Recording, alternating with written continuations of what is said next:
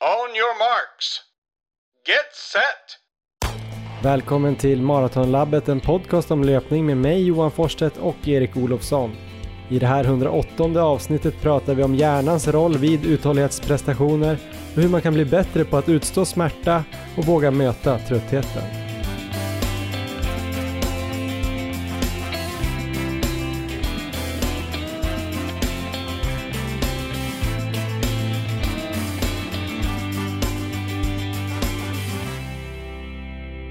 Ja men då ska ni alltså vara varmt välkomna till avsnitt 108 av den här podden Maratonlabbet.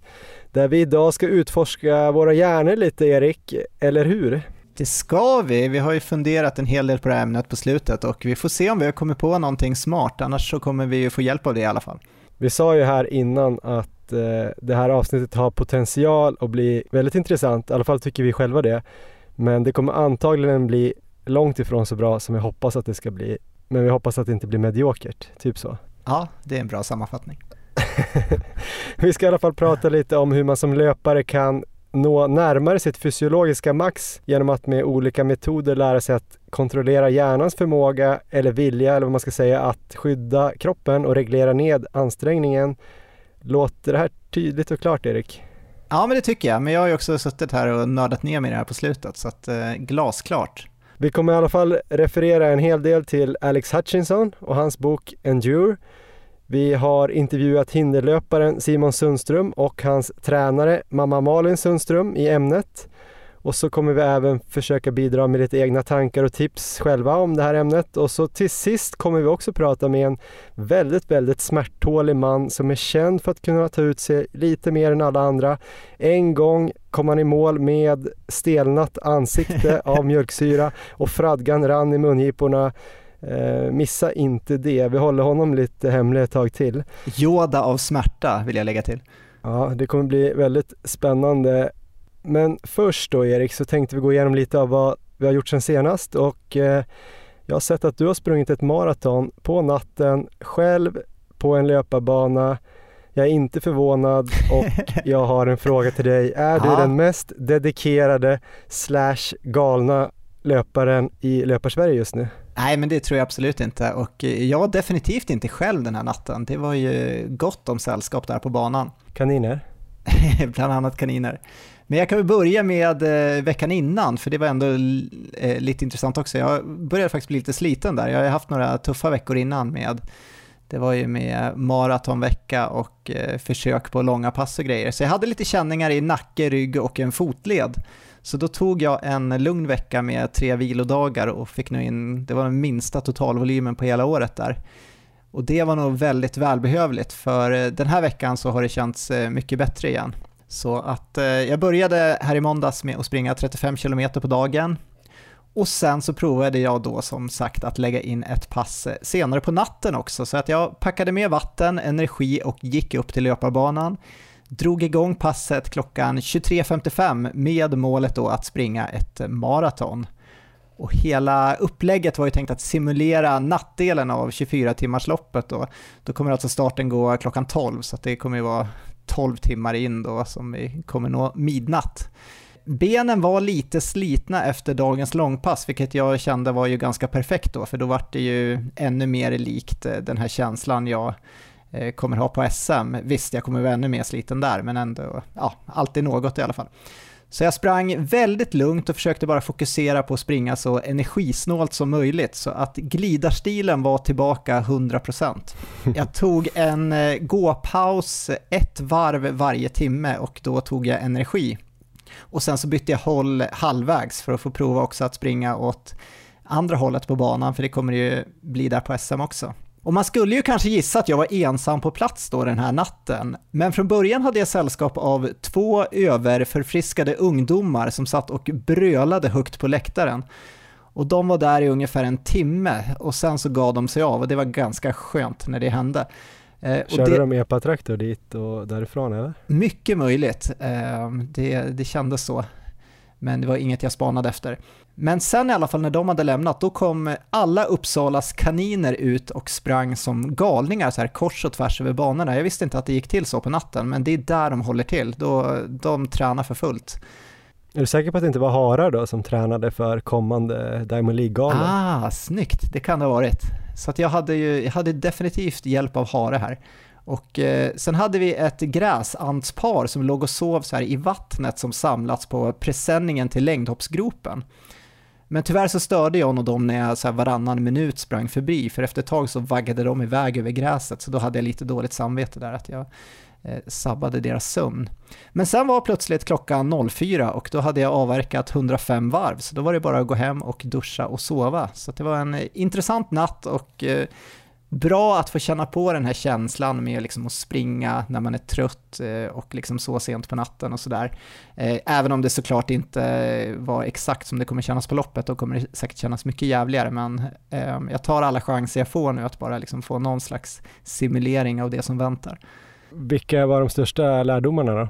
Eh, nej men det är ju vikten skulle jag säga av att eh, ta den här vilan på allvar. Jag har väl haft några sådana här långa pass där jag har lagt in gåvila men kanske varit lite stressad, att jag försökt gå lite snabbt och eh, äta lite snabbt. Just det här att försöka få ner pulsen där, det fokuserar jag mycket på nu och eh, det tror jag, det tror jag kommer vara viktigt på 24 timmars loppet.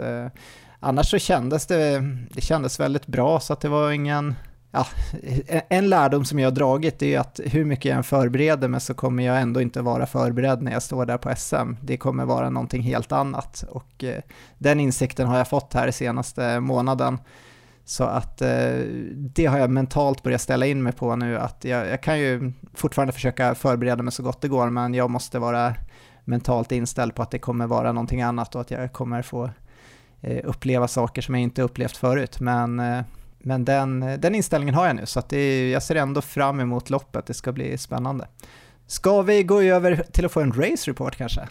Ja, jag har ju faktiskt sprungit ett lopp. Eh, den första tävlingen sedan eh, MLM Marathon för mig. Jag sprang ju 5000 meter här förra veckan, alltså nästan för två veckor sedan när det här släpps då. Nere på Källbrinks IP utanför Huddinge i södra Stockholm. Och vad vill du veta om det höll jag på att säga Erik?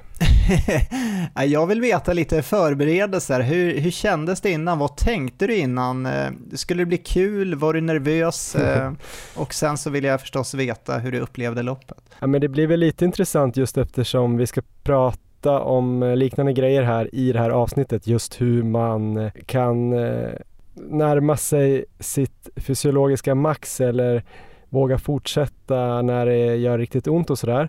Och eh, jag tänker att man måste vara väldigt motiverad för att kunna plåga sig själv. Det tror jag är en förutsättning och det kanske vi kommer komma fram till. Vi får se i slutet. Men eh, det var lite svårt så här, typ dagen innan och samma dag som det här loppet eh, så började jag faktiskt få lite så här second thoughts att kanske att jag skulle kunna ta mig ur det här 5000 meters loppet. Det har inte varit något stort mål utan det dök upp ganska snabbt eh, in på att jag skulle köra. Jag tänkte det här är en bra en bra formskapande tävling egentligen för 10 000 och jag hade ju inget riktigt mål men vi sa ju 16.30 i senaste avsnittet.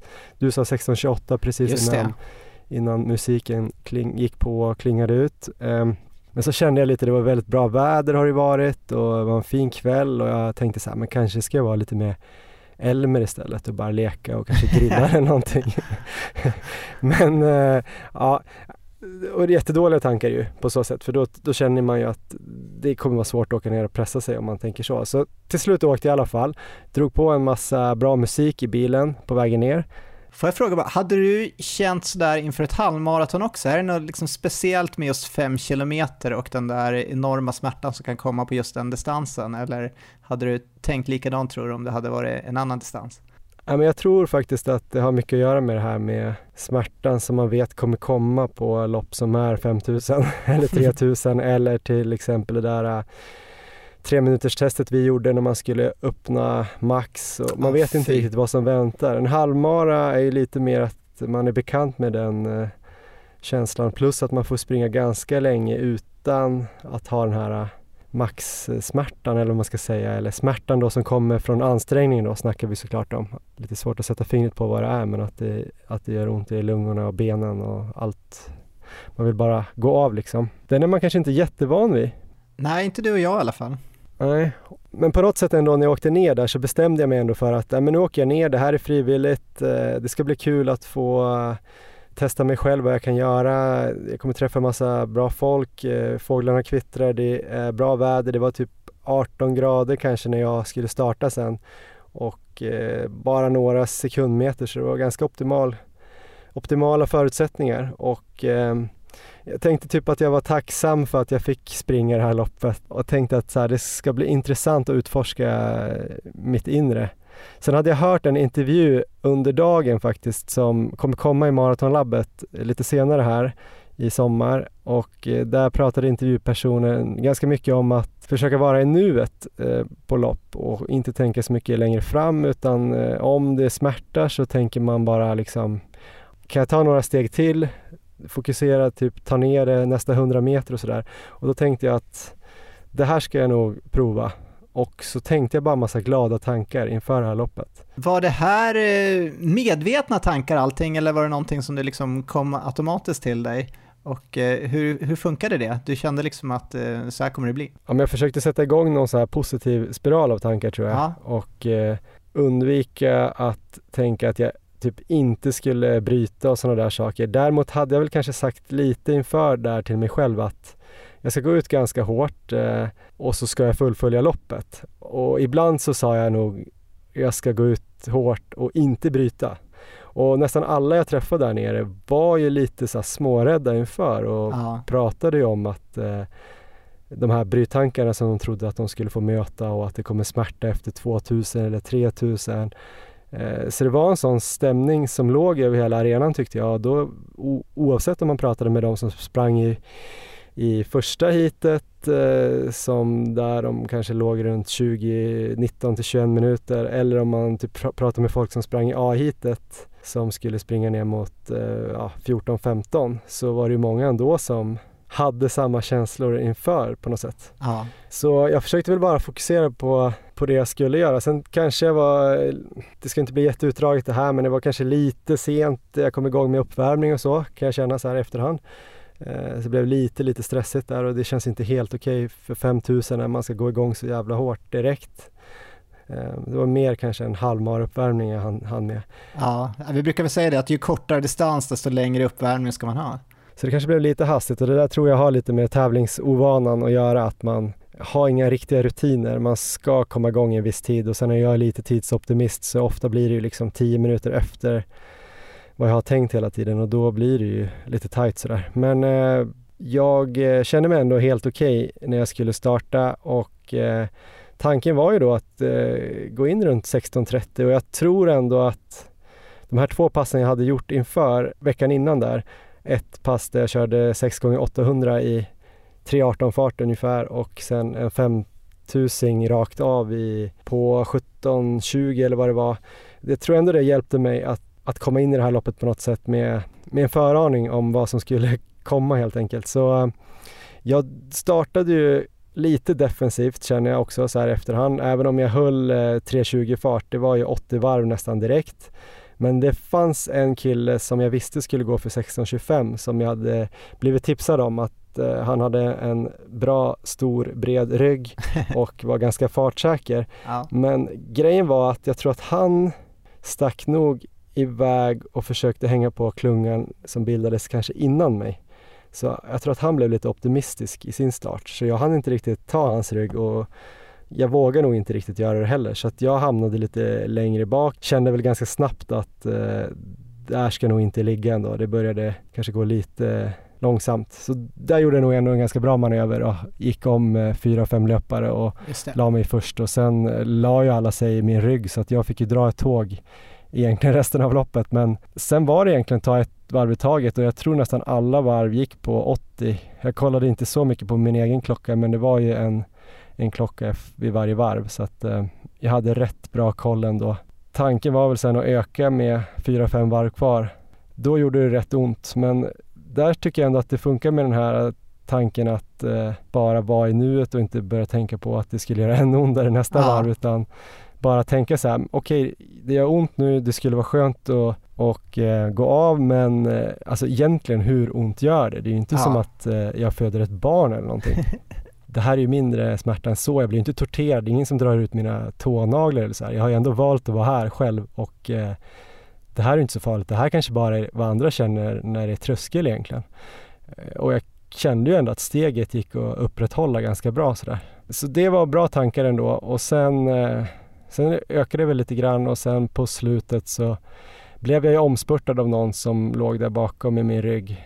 Eh, men lyckades väl svara okej okay, men kom in på 16.34 vilket jag är rätt nöjd med men ja. Eh, samtidigt när man kommer så nära den gränsen man ändå satte inför loppet då på 16.30 så känner man sig lite dum som inte kanske tryckte lite hårdare. Det känns som att jag hade kanske fem sekunder till i mig ändå om jag verkligen, verkligen hade motiverat mig för att göra 16.30. Jag tror att jag var faktiskt lite, lite nöjd Ja. Att det ändå var närmare 16.30 än typ 16.40 och att det var ändå 15-16 sekunder under mitt PB då sådär. I en tävling som egentligen inte jag har tränat för. Så ja. det, det, gjorde nog att jag inte kunde pressa med det sista. Det var ju ett snyggt lopp såg jag på Strava. Det var ju jämn fart och sen med en bra avslutning. Så det, jag tror du gjorde ett riktigt bra lopp där. Och man, man, känner väl alltid så. Man tänker väl alltid att eh, ja, jag kunde ha gjort lite bättre där eller lite bättre där. Och det kanske man kan, men eh, det där tror jag var ett riktigt bra lopp av dig. Kul! Det var ju roligt att tävla i alla fall. Ja, och eh, bra mindset. Det, det, där låter lovande tycker jag. Ja, nej men jag tror att jag lyckades rädda upp ett dåligt mindset med att tänka bra tankar. Men jag kände också så här att det här kan jag nog utveckla och eh, vi får väl se om det här avsnittet sen kommer hjälpa mig på traven. Men jag tror verkligen att det finns oanade resurser i, i min kropp bara min hjärna skärper till sig lite. En liten grej också som jag tänkte bara dra som kanske kan vara nyttig info för folk som vill tävla på på bana här i sommar och framöver. Det var angående skor då och skoreglerna. Jag kan väl dra det lite snabbt. Jag sprang ju i Nike Vaporfly Next Percent till slut. Eh, jag funderade lite fram och tillbaks där innan och det är ju så att på bana på sträckor från 800 uppåt så får man ju egentligen bara tävla i skor som har då max 25 millimeter tjock sula i hälen och där ska man räkna in då eventuella iläggssulor och så vidare. Det var lite oklart vad som gällde den här tävlingen för att för veteraner i veterantävlingar, alltså över herrar 35 och damer 35, där ja. vi faktiskt är, då får man tävla i skor som är upp till 40 mm och då, då kan man ju springa alla de här landsvägsskorna eh, som jag förstår det. Eh, men det här, den här tävlingen var i mixade åldersklasser, alltså det ah. var ju allt från 20 till 40-50 kanske i, i, olika hits här så då, då är det egentligen de här tävlingsreglerna som gäller med 25. Å andra sidan så ska man ju inte slå något rekord så kvittar det väl egentligen och du sa ju väldigt bestämt att jag skulle köra Vaporfly. Jag blev ändå så här de sista dagarna, bara, nej men jag ska nog följa reglerna och det är snyggt med flats. Eh, jag hade ju Adios 4 Adidas, Adios 4 som finns med på den här listan. Jag kände till slut att jag inte riktigt vågade springa i dem. Känslan där på plats var ju att eh, att det var ändå kanske, kan man, jag vet inte, men säg att det var ändå 35-40% som hade otillåtna skor då, eller vad man ska kalla det. Alltså tjocka skor och, och, resten hade kanske flats och sen var det väl en hel del spikskor i hit A. Och där var det väl nästan som att alla körde i, i tunna skor då, för de kanske ska springa SM eller liknande senare i sommar och vill väl springa i det de ska springa i då, tänker jag. Men det var inga sura miner eller så här. Det var ingen som gick runt och muttrade om att man, hade, att man fuskade och så, utan Nej. det kändes ändå som folk gjorde sitt eget val, eh, tävlade mot sig själv, i alla fall i, i liksom hit B till E. Ja, och det är väl den inställningen jag tycker alla bör ha nu också. Alltså det, det finns ju det finns ju en anledning att man väljer de här tjocka skorna. Det är inte bara att eh, de är snabba utan det är också, de är mer skonsamma. Så att eh, eh, bara den här faktorn att man kanske vill undvika skador, den måste man ju bara acceptera. Och vi hör ju hur oklara de här reglerna är. Liksom en 34-åring då kan inte springa i 40 mm sulor men en 35-åring kan det då. Och jag menar, det är liksom ingen logik i det här tycker jag. Så att jag tycker alla kan springa i de skor de känner för. I alla fall från min synvinkel. Ja, så länge man då inte tävlar på SM eller ja, ska sätta precis. något klubbrekord eller distriktsrekord eller svenskt rekord och sådär. Man fick ju ange vilka skor man skulle springa i på förhand och eh, de eh, skrev det tror jag i resultatlistan på alla som inte hade godkända skor då, men bara på de som var under 35. Jag hade inte behövt erkänna det här. Jag hade kunnat sagt att jag sprang i ett par flats från 82. Men du är ärlig Johan, det är bra.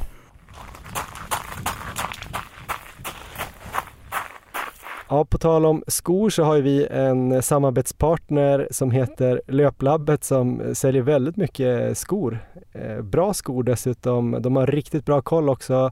Alla som jobbar i de här butikerna då som Löplabbet har, de är ju åtta till antalet. Eh, alla de som jobbar där springer väldigt mycket, har bra koll på skor. Eh, de har också en hemsida som man hittar på www.löplabbet.se där kan man köpa allting som finns i butiken och säkert ännu mer.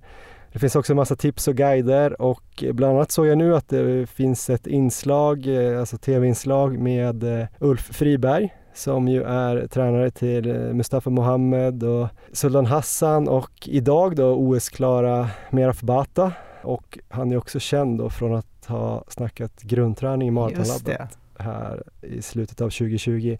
Så det kan man gå in och kolla på och sen såg jag också att eh, det finns ju en hel del intressanta skor. New Balance Fuel Cell RC Elite som jag tror jag nämnde förra avsnittet har kommit in nu. Soconis Endorphin Pro 2 har kommit in och så finns det också storlekar kvar i eh, Nike Vaporfly Next Percent som jag tror är den snabbaste skon fortfarande. Så gå gärna in på löplabbet.se eller gå in i er lokala butik och eh, kitta upp er lite på skofronten.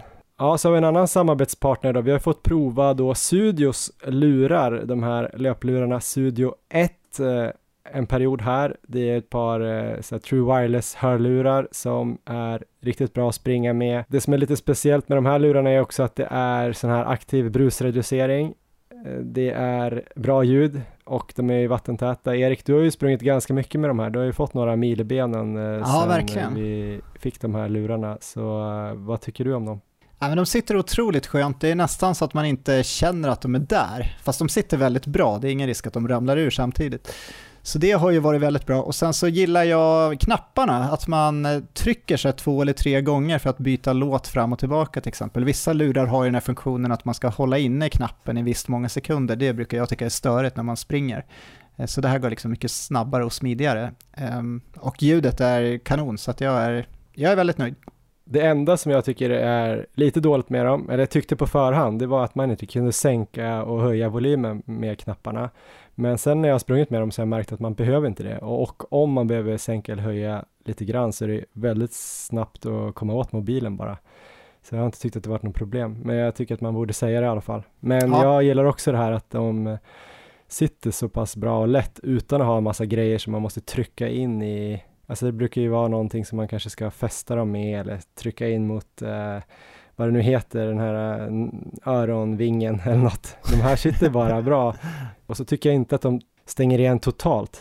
Ibland kan jag tycka det är lite jobbigt när det blir totalt vakuum i örat. Det blir nästan som att man eh, simmar under vatten och lyssnar Aha. på musik. Så jag blir, tycker det blir konstigt ljud. Men här tycker jag ändå att de, de sitter bra och det är bra ljud, men det är inte det här eh, att man känner sig helt instängd. Så Gå in på www.studio.com och kolla in Studio 1 eller någon av alla deras andra produkter. Just nu får ni 20% rabatt med koden Maratonlabbet och det gäller alla studioprodukter på hemsidan. Det här erbjudandet gäller en månad från och med idag när det här släpps och om ni köper Studio 1 så får ni också 50% rabatt på den trådlösa laddaren Ladd Plus. Ja men då ska vi gå vidare med veckans eh, huvudämne då Erik. Eh, det här avsnittet är ju inspirerat av eh, Alex Hutchinsons bok Endure som vi båda har läst eh, flera gånger och lyssnat på. I grunden ställer han sig väl frågan vad det är som begränsar uthållighetsprestationer och så vill han väl redogöra för hjärnans roll i det hela. En rent fysiologisk approach skulle ju vara då kanske att Eh, man tänker sig att det är VO2 max, tröskel eller nyttjandegrad och löpekonomi som i grunden avgör ens kapacitet på löpning och de här grejerna har vi snackat jättemycket om. Ja. Och sen såklart då yttre faktorer då som ja, temperatur, vind, banprofil, skor kanske, taktik, ja. energiintag, uppladdning inför loppet. Eh, Sådana grejer har ju vi snackat, snackat om till leda. Ni är ju helt less för att vi pratar så mycket om det här och nördar ner oss. Men det går ju såklart inte att bortse då från hjärnans roll i, i de här uthållighetsprestationerna. Ehm, och tidigt i boken kommer ju Hutchinson in på då den här teorin om hjärnan som en central governor och det är väl Timothy Noakes som har gjort den här teorin mest populär i början av 2000-talet. Ehm, vill du dra lite mer om den teorin i korthet Erik? Ja, men det kan jag göra. Det är ju då att informationen från din kropp som kommer in då i form av Eh, fakta om smärta, muskelfunktion, värme, energinivåer, vätskebalans, att alla de då är kombinerade och tjänar till att generera din känsla av ansträngning. Och det är det som då avgör hur hårt vi kan driva oss själva. Så mm. det är ju den här Central Governor Theory. Precis, så det jag räknar upp då om man tänker sig då till exempel laktatnivåer i blodet då. Man tänker så här, ja men vi över 4,0 millimol säger vi då lite förenklat så blir mina ben eh, obrukbara eller mina muskler blir sura och de fun funkar sämre. Det, det, så kan man ju se det men i, med central governor-teorin är det väl som att informationen om att det är 4,0 millimol ja. laktat i blodet går upp till hjärnan och hjärnan då tänker så här, hmm, går det här mycket högre så kommer det bli kanske en farlig situation för, för mig, eh, mm. min kropp. Så jag börjar helt enkelt stänga av vissa, vissa muskler eller vissa fibrer då kanske så att man inte ska kunna trycka på mer liksom. Och det här är väl en, eh, en subtil skillnad mellan de här två, två synsätten men, men det finns ju ändå en skillnad för om man då kan påverka hjärnan då att eh, tolka den här informationen lite annorlunda Aha. då kanske man skulle kunna då nå närmare sitt fysiologiska max. För eh, jag tänker om man då kanske kan säga att man har ett fysiologiskt max som är 100 och så säger man att man går till 101 så, så dör man då, typ, om man ska vara riktigt krass då. Det kan ju vara så att jag bara kan nå upp till 80 innan min hjärna börjar stänga ner mig liksom. Men du kanske kan av olika anledningar, din bakgrund eller, eller kanske hur du kan tänka på saker eller hur du har tränat. Du kanske kan nå 85 procent av ditt fysiologiska max och, och, om man kan skjuta den nivån närmare 100 så kommer man ju bli bättre utan att egentligen bli bättre om, om ja. ni förstår vad jag menar. om du förstår vad jag menar. Så det är väl det vi vill snacka lite grann, grann om, om det finns något mentalt trick då för att låsa upp den här reserven då som man kanske har och pusha sig över sina egna gränser egentligen. Ja men precis, och det är ju just, vi, vi ska försöka höja den här siffran för alla egentligen och det, det kan ju dels då vara den mentala biten men det kanske också är är i träningsbiten man kan eh, höja upp den. Man kanske helt enkelt kan lära sig under träningen, men just med olika tankesätt och eh, hur vi kan göra det där så ska vi försöka komma i alla fall så nära som möjligt. Vi ska inte få upp någon på 101, det kan jag lova, men eh, så nära 100 som möjligt är väl målet. Och några kanske då exempel eller vad man ska kalla det, eller argument för att det faktiskt finns någonting som reglerar reglerar ens fysiska prestation eh, eller hur mycket man kan ta i Eh, och eh, då se till att man inte går över 101. Det är väl det här med att eh, till exempel att man hör då historier, nu vet man inte hur, hur sanna alla de här är, men att man kanske kan du vet, lyfta upp en bil när det ligger någon under plötsligt, ja. vilket är helt orimligt annars. Men, men det är någon så här reserv som låses upp för att det är en nödsituation. Eh, man kan tänka sig det här med att eh, man blir slagen i en spurt på OS. Den, eh, det exemplet har är Noakes som har, har, skrivit om egentligen och Hutchinson som citerar att det var någon som kom på andra plats i OS i ett lopp, eh, slagen i en spurt men kan ändå direkt efter göra ett ärevarv ganska snabbt. Egentligen borde man ju då, om man verkligen skulle kunna gå till 100% så borde man ju bara i princip dö på mållinjen om man nu är så motiverad som man borde vara i ett OS, vill säga. Ja, precis. Det är ungefär så maximalt eh, motiverad man bör kunna vara om man är i en spurt om OS-guldet och i princip då kan bli odödlig. Då borde man ju nästan vara där på 100 kan man tycka, men eh, som sagt då så gör ju den här killen bara någon minut efter ett ärovarv i ganska bra fart och då, då är det ju någonting som begränsar som kanske inte ändå borde vara där. Och sen då en, ett exempel till då som jag tror alla har känt av, det kanske är om man springer ett millopp. Eh, vid 7-8 kilometer är man så trött så att man eh, börjar slå av på takten och egentligen vill gå av men så plötsligt så eh, börjar man närma sig målet, man kanske har en kilometer kvar och plötsligt kan man öka farten. Ja. Från att man eh, egentligen var helt tokslut och det fanns ingen kraft kvar så kan man faktiskt köra sista kilometern, kanske sin snabbaste kilometer och spurta i mål, vilket är helt orimligt också om man var så trött som man trodde att man var vid 7-8. Ja. Så det är också ett tecken på att det finns någon reserv som man då kanske släpper lös när man ser mållinjen liksom. Så det är det här vi ska snacka lite om och eh, vi har väl en del tankar själv tror jag och eh, vi får väl se om vi lyckas sammanfatta alla i det här avsnittet, om vi kommer bli nöjda med avsnittet eller inte. Men eh, vi ska också prata med några väl utvalda personer. Innan vi går in på intervjuerna Erik så skulle du vilja sammanfatta lite varför det här är viktigt överhuvudtaget då? Ja, men jag känner väl lite själv att det här är som löpningens heliga graal. Att lära sig acceptera och till och med uppskatta det här tillståndet som man kommer in i under maximala fysiska ansträngningar. Vissa är ju helt uppenbart bättre än andra på detta. Och vad har de då gjort för att de ska kunna hantera det här bra? Och vad krävs för att nå dit? Handlar det mest om att liksom utsätta sig ofta för det eller kan man helt ändra sitt tankesätt för att nå dit? Eller är det då en slags kombination av båda? Och eh, ett exempel som jag tycker är intressant då från den här boken Endure, det är ju när Alex berättar om det här testet som utfördes på simmare i Skottland som handlade om hur väl man kan utveckla tålighet mot smärta. Och de hade där både med elit, motionärer och nybörjare. Och man använde en blodtrycksmätare som man satte på armen och sen ströp man blodtillförseln helt enkelt. Sen fick de göra muskelkontraktioner med den på och man kollade dels när det började göra ont samt när de inte klarade att göra fler. Så det hade alltså ingenting med simning att göra utan bara smärthållighet. Och efter ungefär 50 stycken så började samtliga känna smärta, alltså samtidigt oavsett hur bra simmare de var. Men skillnaden var att motionärerna, de kunde fortsätta till ungefär 70 stycken, medan eliten hade som medel 132, så nästan det dubbla totala antalet. Och en tanke då skulle kunna vara att de är elitsimmare för att de har en hög smärttröskel, helt enkelt att de är födda så och därför har bra förutsättningar att bli elitatleter. Men det visade sig också att för de enskilda atleterna så varierade det hur många kontraktioner de kunde göra beroende på var de befann sig under säsongen. Så under säsongsvilan till exempel, då var tåligheten betydligt lägre än under de hårdare träningsperioderna till exempel när de kunde göra många fler.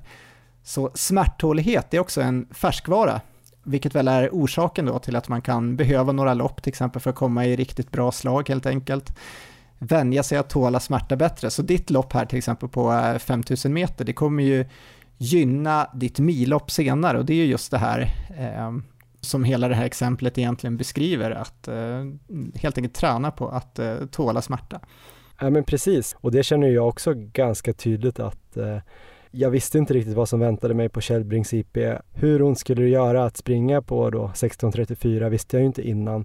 Så här efterhand så kände jag ju att ja men det var ju klart överkomligt. Det tog ungefär 30 till 60 sekunder kanske innan jag mådde ganska bra igen efter målgång, även om jag precis vid målgång tyckte att jag var helt slut och, och satt mig ner på banan liksom. Så att eh, bara vetskapen om att eh, livet går vidare och att eh, man kör hem som om ingenting hade hänt och går runt där och har trevligt med, med andra löpare gör ju att det kanske kommer kännas mindre läskigt nästa gång och då tror jag att man har liksom 10 sekunder till direkt. Ja, men precis. Sen finns det såklart något typ av max. Det är inte så att jag skulle kunna hålla på så ner till 11 blankt direkt. Ja, vi, får, vi får se helt enkelt. Efter det avsnittet så finns det inga gränser. Vi har ju också gjort några intervjuer i det här ämnet där vi ska då försöka fokusera på eh, smärttålighet och smärta då och eh, hur man kan eh, ja, kanske hålla handen i lågan ännu längre.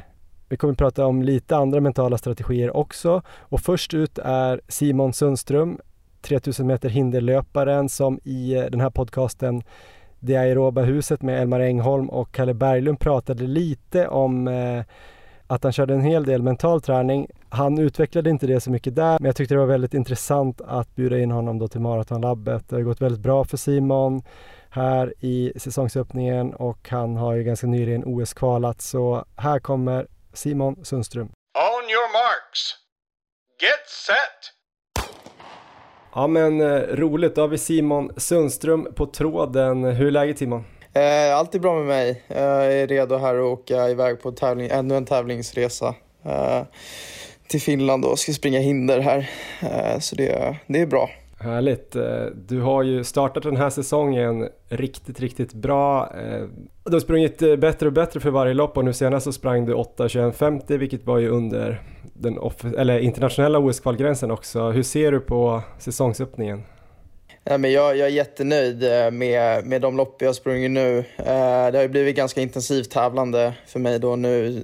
Det har ju varit tre lopp redan, hinder, och det sliter ganska mycket sådär. Men, men jag känner ändå att kroppen har svarat väldigt bra och det, det tror jag liksom är ett tecken på att jag har haft väldigt bra grundträning och kunnat byggt upp kroppen bra liksom för att klara av de här loppen då. Ja, men om vi hoppar då till det här loppet i Uelva i alla fall, 8.21.50 personligt rekord och under OS-kvalgränsen som sagt. Vad stämde extra bra för dig i det loppet? Eh, nej men det var nog att jag hade, liksom, jag disponerade loppet bra. Eh, jag hade mycket krafter kvar på slutet. Eh, och det är det jag märkt oftast att de loppen jag springer som bäst är när jag liksom springer negativa splits och liksom kan avsluta väldigt starkt. Och framförallt på hinder tror jag för att det finns väldigt mycket att vinna.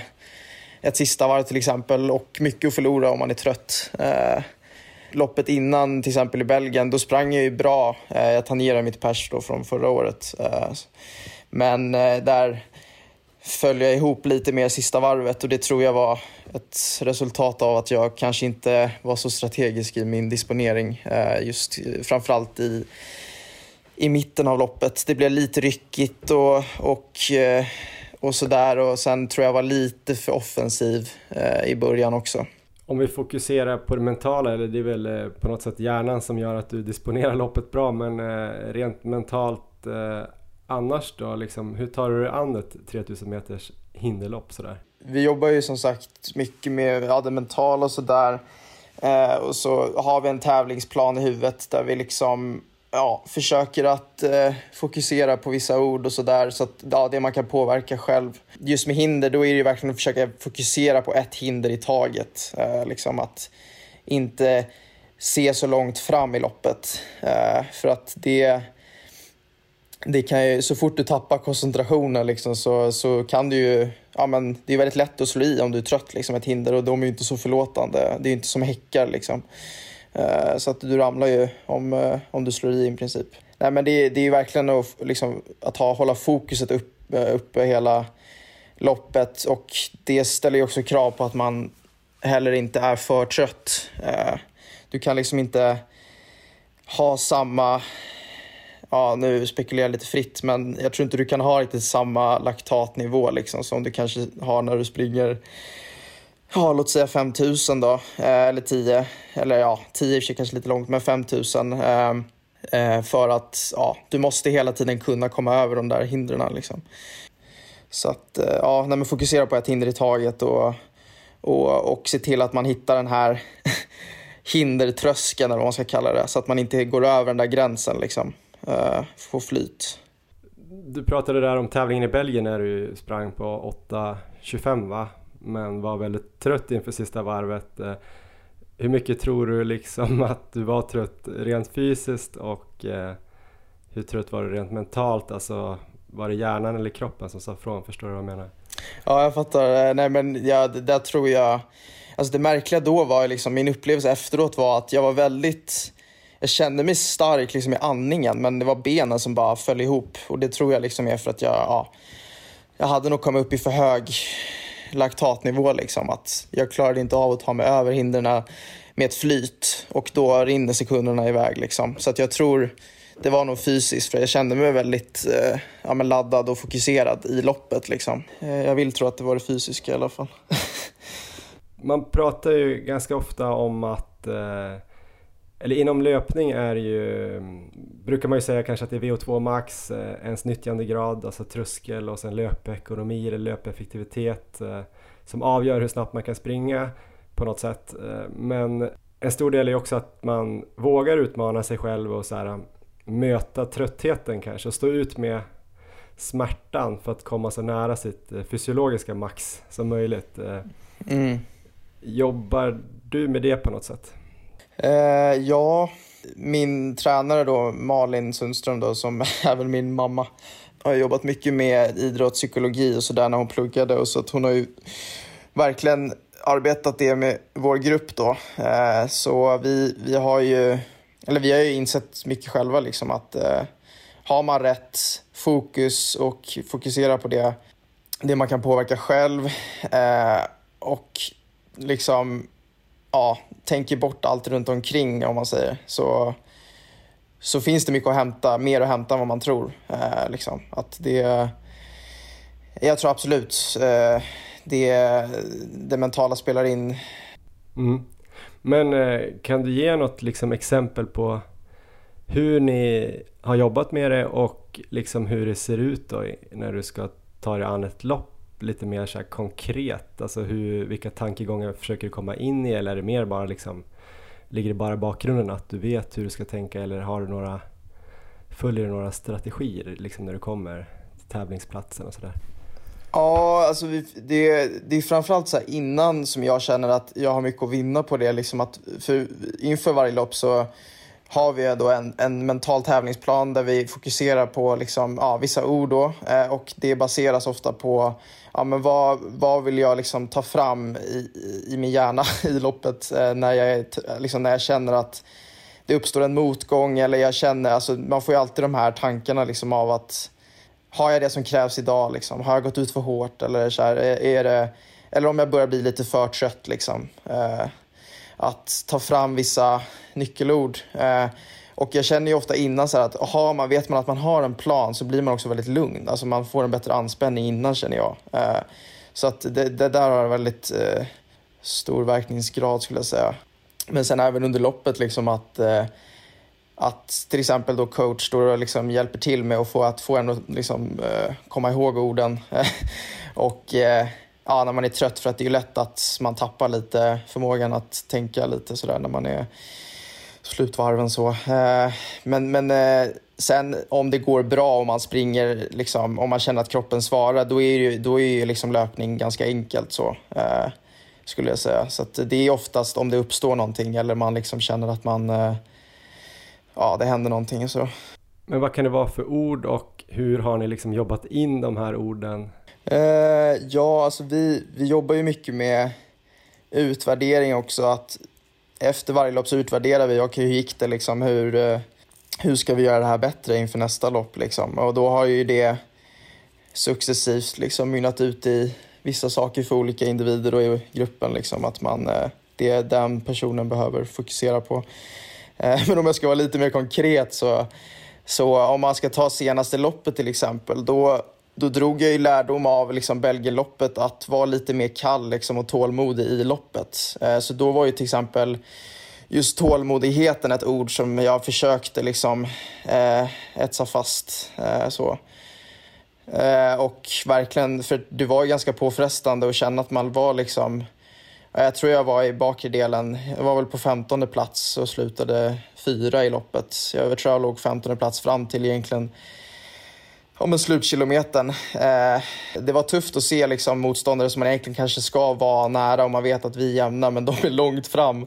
Så att då, då får man verkligen ta fram det där liksom att nej men det är, det är slutdelen, det är där det avgörs liksom. Det finns så mycket att hämta. Eh, så att tålamod var ett ord då. Eh, så sen har vi lite så här att försöka tänka lite tekniskt, liksom att jag ska få med mig farten över hindren. Liksom, att inte stirra sig blint på hur jag liksom klipper eh, häcken till exempel, eller hindret. Eh, för att det, jag själv eh, vet ju att jag, eh, jag är lite sådär perfektionistisk av mig. Att känner jag, oh, nej jag tog den där, det blev inte så bra. Eller att jag börjar liksom tänka för mycket på hur, jag liksom, hur det ser ut snarare än kanske vad som är eh, mest energisnålt. Så att då har liksom ett eh, nyckelord för mig varit liksom att få med mig fart eh, över hindren. Liksom att känna att man får eh, för det är det som är det viktiga eh, på något sätt. Jag sprang ett eh, lopp här på 5000 meter förra veckan där det var fem hit. Det var allt ifrån liksom, eh, motionärer som sprang på 21 minuter till A-hitet där, nu borde jag ju kunnat namnet här, men han sprang precis över 14 minuter. Eh, så det var ganska olika skillnad då på alla löpare men alla kände som att de kom ner med ungefär samma känsla att 5000 meter det kommer bli jävligt jobbigt och den som hanterar liksom bryttankarna bäst nästan eh, skulle klara det bäst. Har du något tips eh, just för att våga liksom utmana tröttheten och inte vara rädd för den? Elitlöpare, vad man säger, brottas ju med exakt samma tankar liksom, så att det är egentligen ingen skillnad så.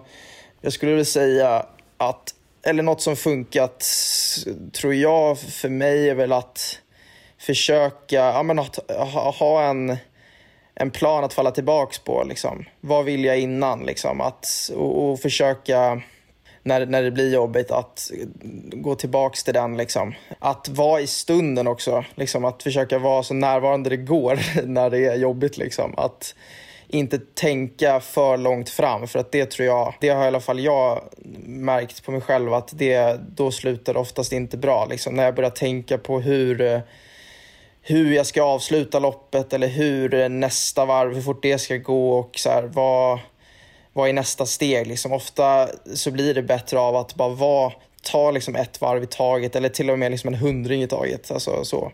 Att smalna av så mycket det går när man blir trött tror jag är viktigt. Tror du att det nästan är enklare då med, med hinderlöpning just för att man, som du säger, ofta kan ta ett hinder i taget bara sådär på något sätt att man inte behöver tänka så mycket på att det bara är du, klockan och smärtan typ?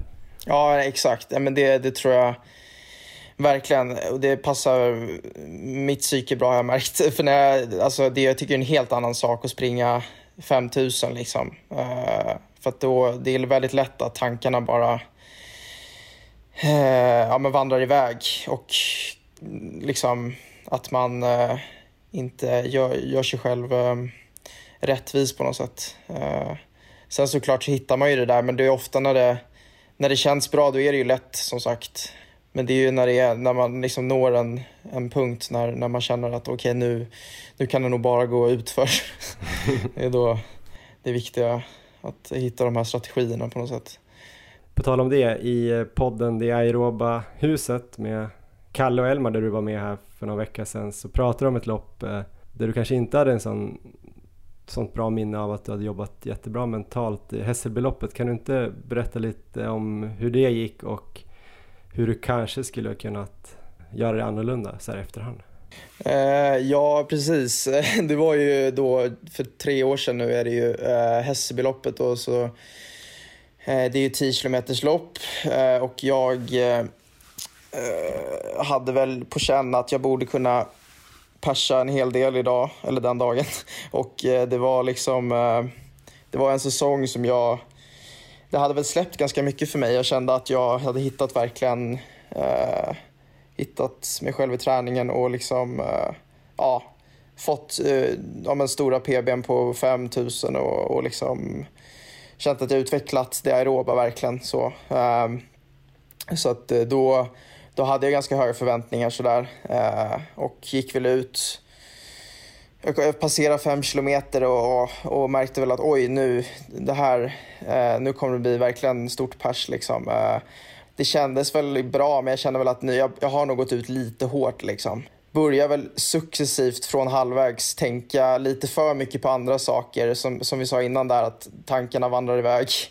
Kanske fokuserar lite för mycket på andra saker som inte jag kan påverka. Att ja, men nu, nu närmar de sig bakom. Liksom. Eh, och jag kommer falla ihop snart. Så här. Det, det, det här det ska inte gå, typ. Liksom, eller på något sätt. Eh, jag kom ändå ganska långt med de här tankarna så det slutar med att jag med 500 meter kvar väljer att gå av. Eh, helt eh, irrationellt. Men ja, jag vet inte, jag fick någon form av panik. Eh, känsla av panik, liksom att jag, jag kan inte ta, jag, jag kan inte fortsätta liksom. Eh, och då gick jag ändå mot stor pers. Eh, liksom. Egentligen hade jag, jag hade säkert persat med en och en halv minut eh, det loppet. Eh, men det var något som, som satte slint eh, i huvudet och jag eh, kunde knappt förstå det efteråt. Så, så när det är 500 meter kvar på Hässelbyloppet, det är precis innan man går in på stadion egentligen och springer ja. väl, eller stadion, men banan där och springer ett varv, eller?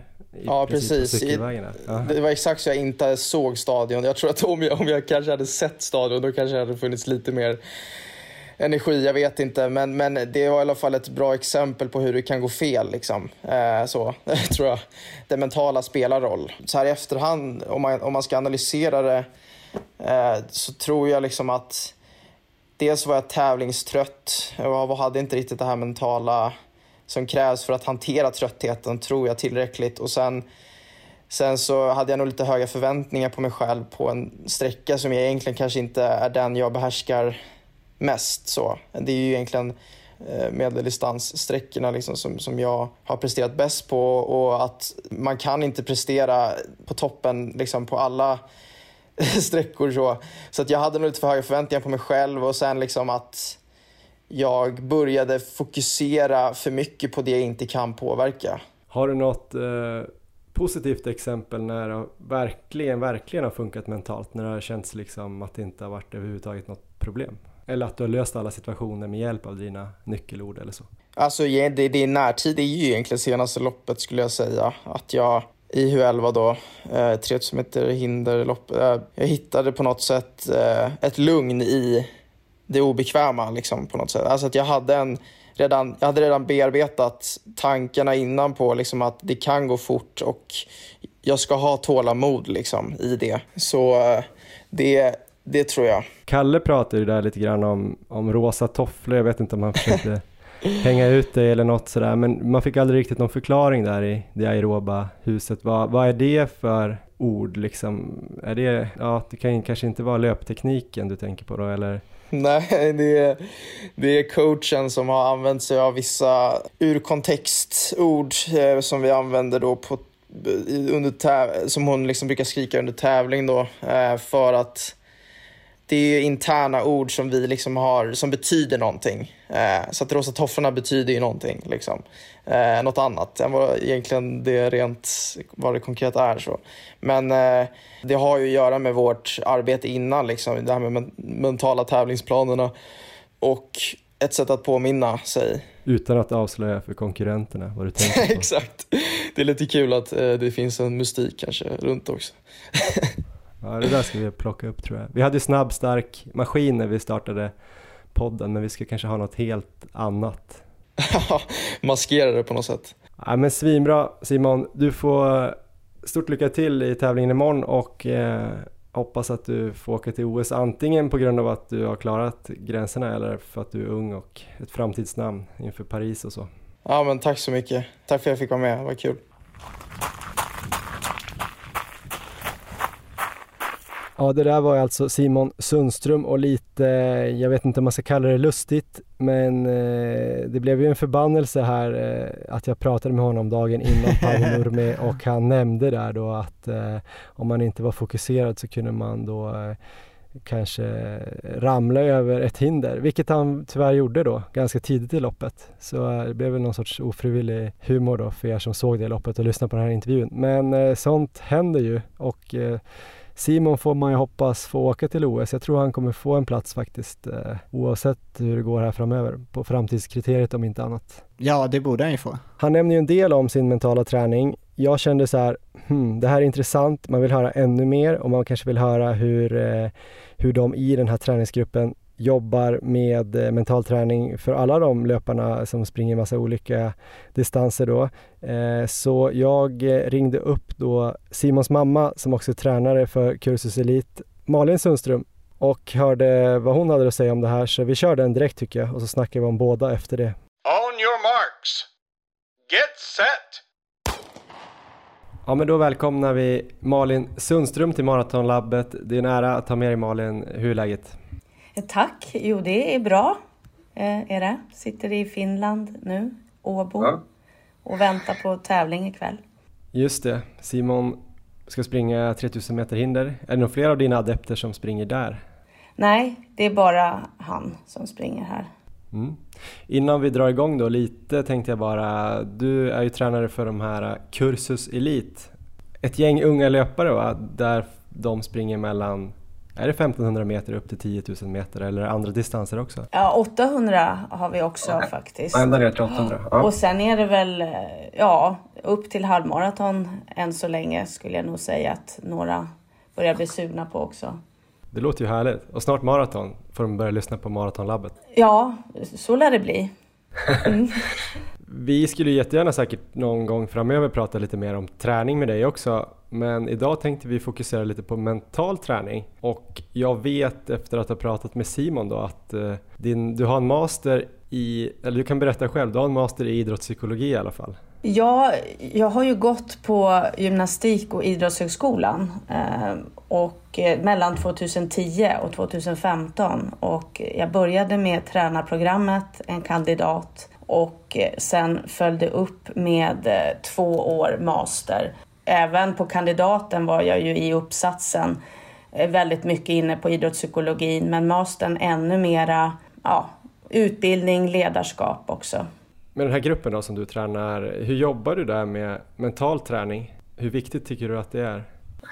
Jag tycker att det är jätteviktigt eh, och jag tycker det är så spännande att se hur vi kan optimera det som försiggår i hjärnan.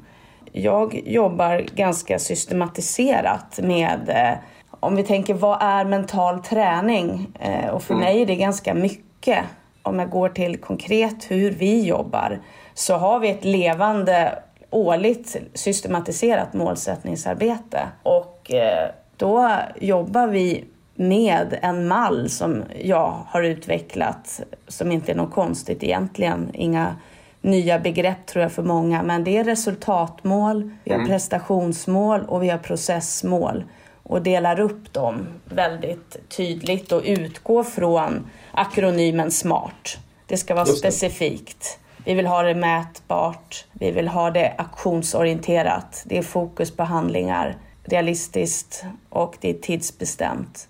Och sen eh, är vi väldigt noga med uppföljning och utvärdering. Och det är någonting som jag tror att vi är många som fallerar på just kring målsättningsarbete. Att vi, vi vill och vi vet hur vi ska göra men sen glömmer bort uppföljning och utvärdering och hur vi går vidare och om det dyker upp saker som man kanske behöver revidera och så. Simon var inne på att ni jobbar lite grann med olika alltså triggerord eller få in bra tankesätt inför tävlingar och även under loppen. Att du kan till och med stå och skrika olika ord som betyder saker. Utveckla det lite grann och hur jobbar ni med det? Är det bara kring tävlingarna eller är det något man jobbar in under träningarna på vintern också så att det verkligen sitter eller hur tänker du där? Ja, inför tävlingar så jobbar vi med mentala tävlingsplaner och eh, hur blir jag mitt bästa för dagen är väl huvudrubriken där. Mm. Oavsett vilken dagsform som det kommer visa sig att jag kommer ha. Då fokuserar vi på det taktiska, det tekniska och det mentala. Och eh, ja, det här klassiska som alla idrottare och psykologer säger, som du endast kan påverka själv. Vi, vi, har inget fokus på någonting annat. Men som jag brukar ta upp, ta ändå hänsyn och bearbeta dina inre förväntningar och kanske också de yttre förutsättningarna. Att förväntningar har ju visat sig spela väldigt stor roll för prestationen. Att man verkligen funderar på vad är det jag tror egentligen? Och vilka konsekvenser får mina förväntningar?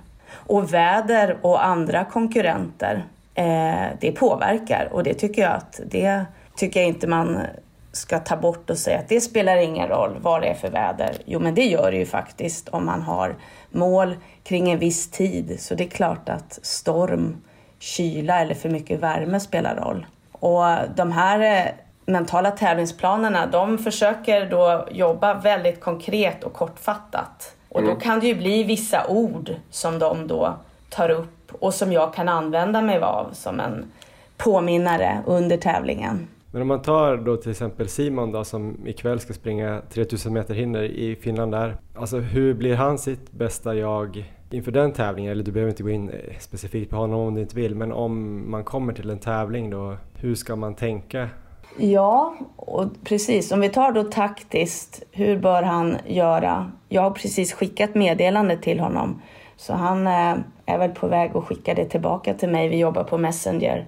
Och mm. eh, det beror ju lite på tävling och beroende lite på period också. Hur detaljerad man bör vara eh, för att bli sitt bästa jag. För mycket detalj kan ju skapa hinder i sig. Det kan ju handla om ett tidsupplägg. Vad är smartast? Varvtider. Eh, mm. Första varvet, eh, mittenvarven, de sista varven. Och tekniskt, vad finns det för ord där? Som kan handla då om hinderpassagerna, hur vill jag hålla axlarna? Hur eh, vill jag ha fotisättningen direkt efter landning? Och eh, fokus på varje hinder är väl en klassiker för Simon om vi pratar honom nu och 3000 meter hinder. Tappar du fokus på ett hinder så kan ju det vara förödande. Jag tänker om man tar till exempel eh, 5000 meter eller 10 000 meter då som inte har kanske hinder att hänga upp eh, loppet på. Men de här loppen handlar ju mycket om att liksom vara väldigt trött och ha lite ont eh, ganska länge ändå i loppen och sen försöka då stå emot det här suget att slå av på farten eller bryta. Hur kan man bli starkare mentalt i de situationerna, tror du? Ja, genom att inse att jag inte är ensam om dessa tankar. Mm. Den tror jag är jätteviktig. Och acceptera att de kommer sannolikt alltid finnas där vid varje tävling mer eller mindre. Men hur vill jag förhålla mig till dem? Hur vill jag arbeta med det mm. när de kommer? Och då är det ju på att jobba med medvetenhet. Och jag är ju förankrad i ACT. Jag, efter GH så gick jag eh, en vidareutbildning kring Acceptance Commitment Therapy och det är ju en nyare släkting till KBT. Mm. Och det handlar ju mycket om att hur man förhåller sig till sina tankar och känslor. Hur kan det fungera då, rent konkret? Ja, jag brukar prata om en tankekraftspaus som kan behövas. Att man, ett mind power break, att man eh, kan behöva stanna upp, upptäcka att sina tankar och känslor, sina beteenden är på väg att faktiskt eh, inte gå i den önskade riktningen som man hade tänkt sig. Det blir dysfunktionellt. Men att tiondelen efter vara snabb, det här går ju att öva upp. Eh, att faktiskt skapa en acceptans och att inte värdera sig själv i det sammanhanget. Att det här är okej, okay, det här är mänskligt. Och acceptansen finns där och att man i samma andetag försöker nollställa och sen refokusera. Och jag menar det här, att uppmärksamma något utan att värdera och att acceptera, nollställa och refokusera. Vi har ju den potentialen, vi har det här tankeverktyget.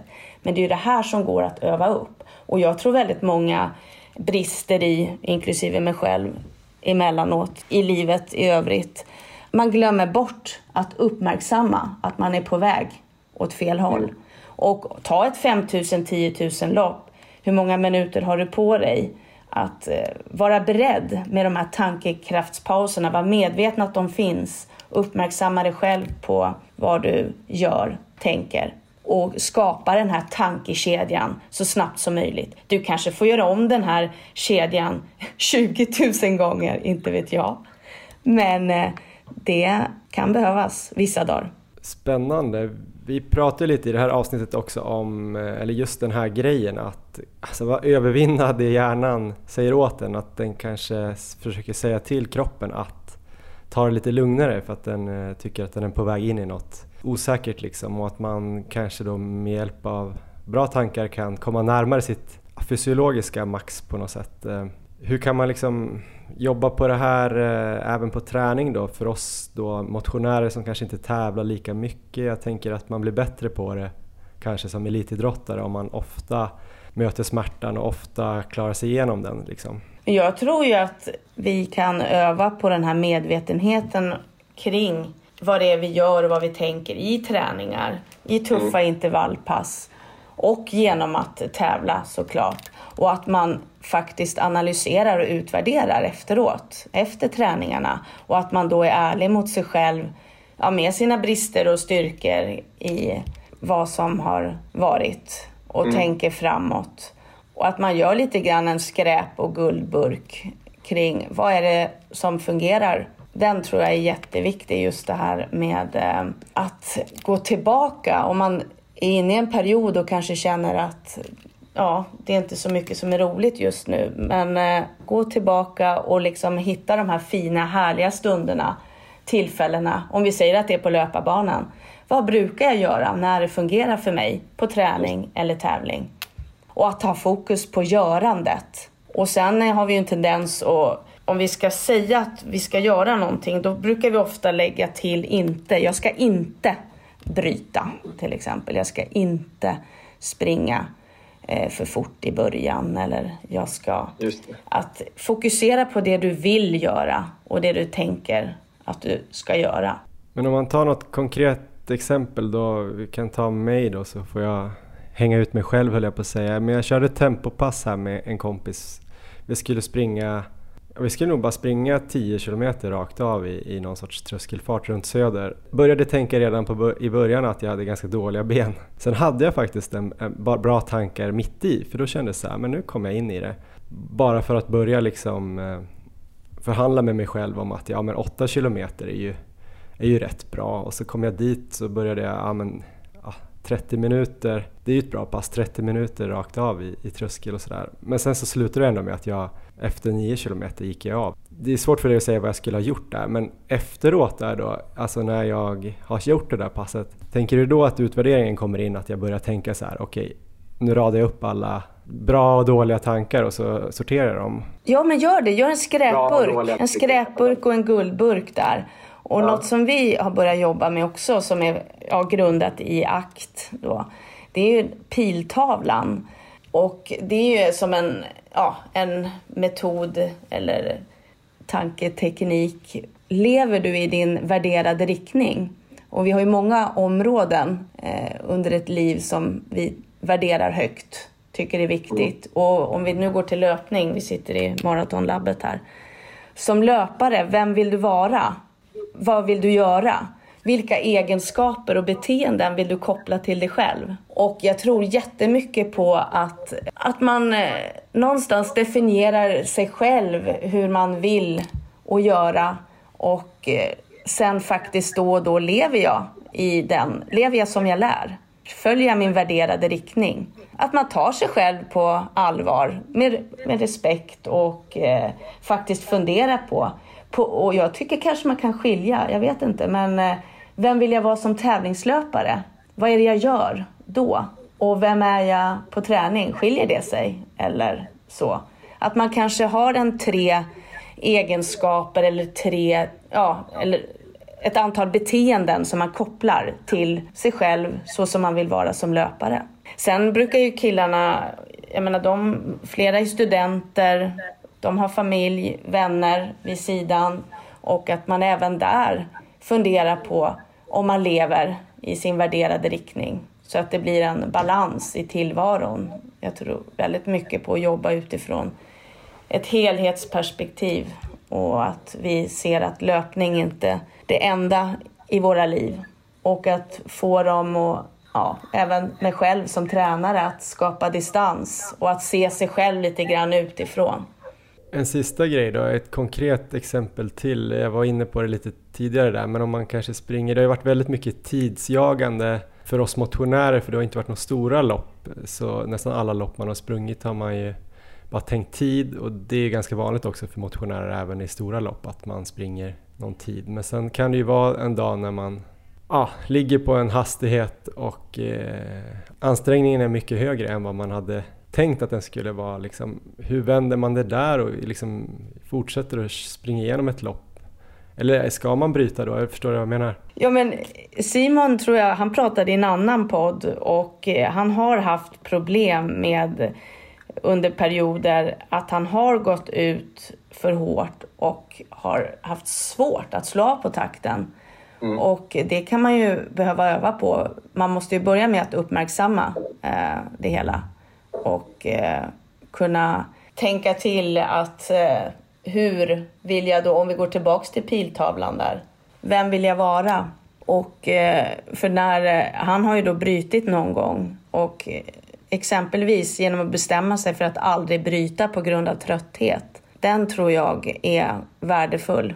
För att jag tror att den skadan, att komma in i ett brytmönster, den eh, skapar inga gott självförtroende. Tusen tack för massa kloka ord och insikter. Ja, tack för att jag fick vara med här.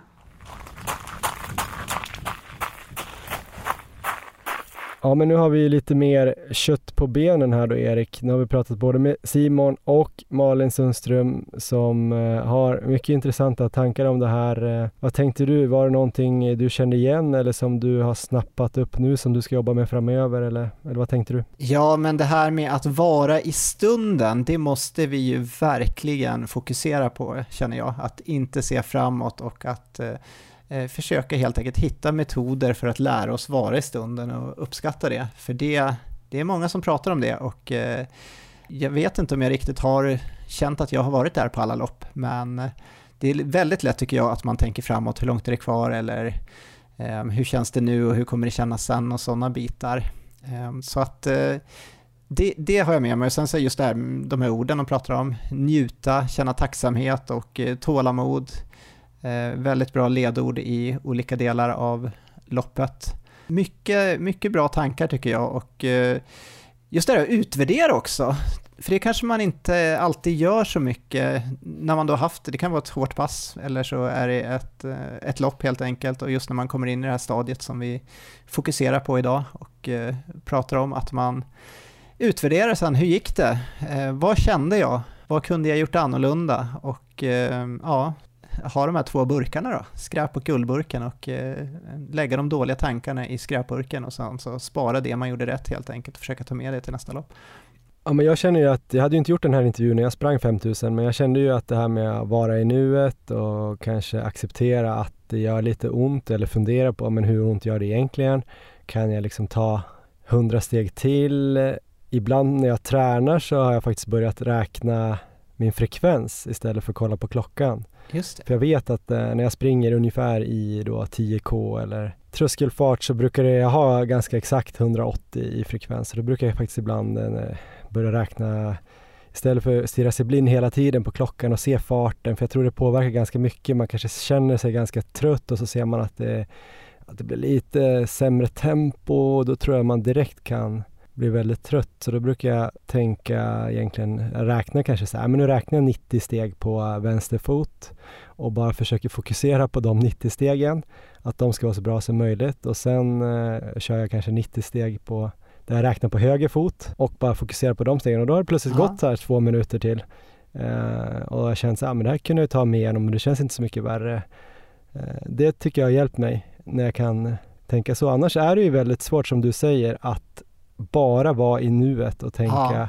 bara lite till. För jag tänker i en maraton, man har sprungit sju kilometer, man har ju oftast en, en taktisk plan helt enkelt, där man vet vad man ska göra, när ska man ta sin gel, när ska man dricka, vilket tempo, vilken klunga ska man gå med i, hur blåser det? Alltså du vet, det är ja. väldigt mycket planering där också, så jag antar att det måste finnas någon avvägning. Man måste ju ha en plan, ja. men sen får man väl inte börja tänka för långt fram för tidigt eller vad man ska säga. Nej, så finns det ju så två sätt att se det på. Man kan ju lura hjärnan, för det har väl jag gjort på någon mara också, så att jag eh, när jag har väggat så har jag börjat räkna på mycket eh, matte helt enkelt. Att det kan, eh, kanske räknar vilken fart ska jag hålla för att eh, hålla hela vägen. Då tänker jag samtidigt liksom framåt, men på något sätt lurar man hjärnan att börja räkna matte, vilken fart man ska hålla och så vidare, så att då rullar tiden på på det sättet.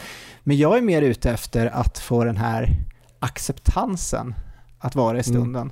Mm. att eh, lära mig att trivas i det där eh, och känna att liksom, det, det, är det här som händer, jag är här men, men det är okej. Okay.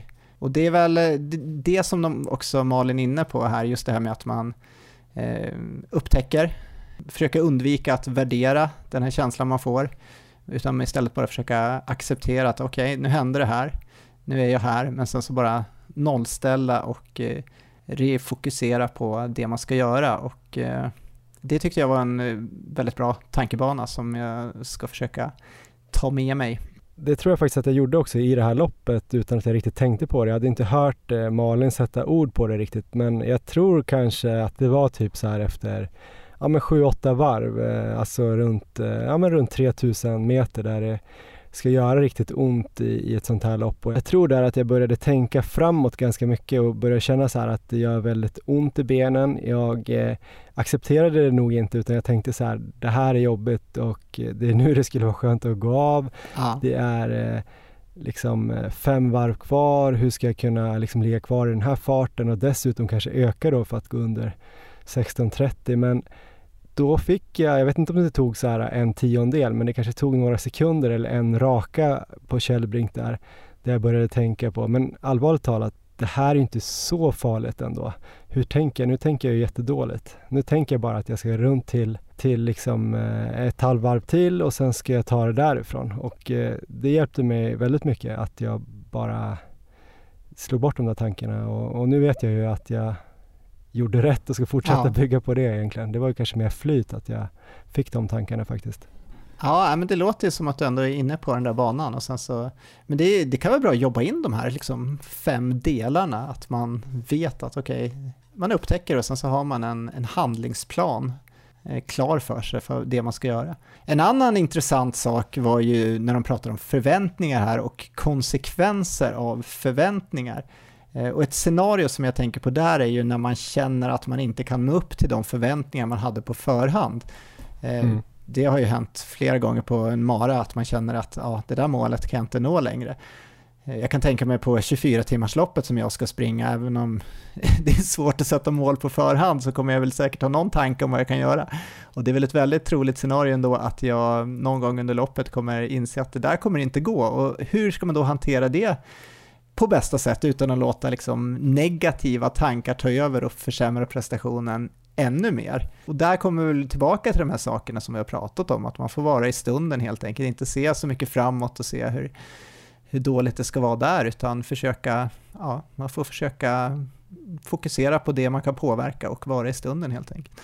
Det känns ju som att det varit extra svårt nu under corona här när det inte varit några stora lopp med mycket så här yttre trevliga motivationsfaktorer som eh, stora klungor eller mycket folk som jublar och hejar och sådär utan när man märker att man inte har kunnat klara sin tid då eh, har ju väldigt många bara gått av och tänkt så här, ah, ja, det får gå en annan gång, jag vill inte bränna mina ben. Eh, det har varit väldigt svårt tror jag, just att fortsätta när ens förväntningar, ja. eller man inte kan nå upp till det man förväntade. Så att, eh, ja, det är jäkligt svårt att kombinera det där med, med mål och förväntningar och att det ska stämma och tankebanorna ska sitta där. Det är också trist att bara gå in i 24 timmars kanske och vi får se vad det blir, eller? Ja, någon... Man någon behöver ju mål också. Ja visst, någon form av mål måste jag ju ha där på förhand. Jag måste ju ha någon, någon slags utgångsfart. Så att det, det kommer väl finnas någon idé vad jag ska kunna göra, men eh, som sagt, jag är medveten om att mycket kommer hända i det loppet. Men eh, då ska jag bara känna tacksamhet att jag får vara där och tävla efter det här pandemiåret. Och jag ska mm. njuta, jag ska vara i stunden. Jag ska hitta ett lugn i det obekväma. Och sen får du och jag utvärdera efter. Ehm, och sen så, jag vet inte, berättade Simon vad de här rosa tofflorna var efter sändningen eller är det någonting jag kan ta med mig? Nej, det gjorde han faktiskt inte. Jag har inget bra svar på det. Det betyder ju antagligen något helt annat då. Det kanske betydde snabb, stark maskin. Jag, jag vet faktiskt inte. Du får ha det som eh, eh, fråga till honom om han startar en podd då. Om han har då kanske veckans fråga i, i sin podd.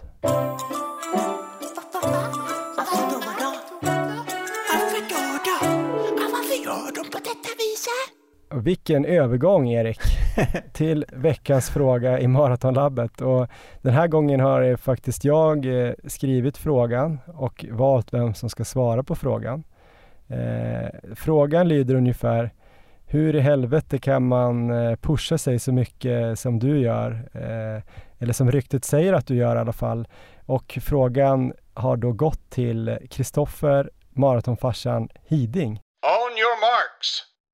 Get set! Ja men mycket glädjande har vi nu maratonfarsan på tråden Kristoffer Hiding. Hur är läget? Välkommen till Maratonlabbet.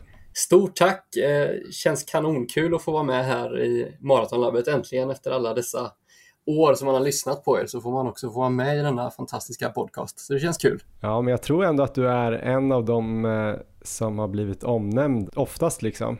Ja, om någon anledning så har man lyckats näsla sig in där. Jag vet inte om det är det bra alter egot maratonfarsan som gör det eller om det finns något annat där, jag vet inte. Ja, men det måste vara det. Plus att du är en jävel på att ta ut dig. Jag tror därför man ofta inspireras att prata om dig. Plus att du har haft några kamper och bataljer där med Erik Olofsson. Precis, vi har ju påpassligt nog så nästlar jag mig in där och lyckas få lite publicitet i podden där också. Nej, men ni säger ju att jag är bra på att ta ut mig. Och jag, jag ser det som att det är på, det kanske är två sidor av myntet. Det kan också vara att jag är eh, vek och teatralisk i den betydelsen att det kanske smärtar mycket i hjärnan men hade en annan person upplevt det så kanske det inte hade smärtat lika mycket. Det kommer ut väldigt mycket flås och eh, läten och sånt när jag springer men det kanske inte är så jobbigt egentligen. Så det kanske, det kanske är en annan sida av myntet men jag hoppas att jag är bra på att ta ut mig. För det innebär ju att jag eh, skulle i så fall kunna få ut mitt max, vilket är målet med min träning. Du omtalas ju ofta som att du kan ta ut dig väldigt, väldigt mycket. Att du kan nå nära ditt fysiologiska max. Jag har hört eller sett på Instagram någon bild när du, ditt ansikte är förstelnat i någon sorts mjölksyrechock. Du har inspirerat Erik till de här eh, bitchslap och eh, gravidvrålen på upploppsrakan och sådär. Har du något sånt eget exempel där du verkligen har tagit ut dig mer än vad du kanske trodde att du kunde? Absolut, det finns ju ett antal, men om jag skulle välja ett specifikt så skulle jag nog vilja förflytta mig tillbaka till Åland Marathon 2017 eller 2018. 2018 måste det ha varit. Ehm, ett halvår efter den rekordvarma Stockholmsmaran som också är ett kapitel för sig. Men jag tror att Åland var nästan värre för att det fanns ju egentligen inga yttre faktorer att tala om som kunde stärka min eh, motivation till att ta ut mig på det sätt som jag gjorde. Eh, vi befinner oss i, eh, i Mariehamn, huvudstaden på Åland. Det är i slutet av oktober. Regnet piskar oss i ansiktet, det blåser och inte en kotte är där och kollar förutom en och annan funktionär som står bredvid. Så det var lite av en försmak av coronaåret 2020 då. Och vi eh, åkte dit på klubbresa med Fredrikshov. Det var jag, Niklas Bittén och eh, Mattias Ösmark på startlinjen som satsade på att gå under 2.40 då. Och Ösmark hade ju en överkapacitet eh, så att han var ju säker på att göra det. Så han tog det som ett bra träningspass. Medan jag och Niklas fick slita då. Och egentligen redan efter milen så kände jag att det här kommer ju aldrig gå. Eh, hålla den här farten. Jag var riktigt trött då jag kopplade på någon slags eh, psyke och la mig i Niklas eh, rygg hela vägen.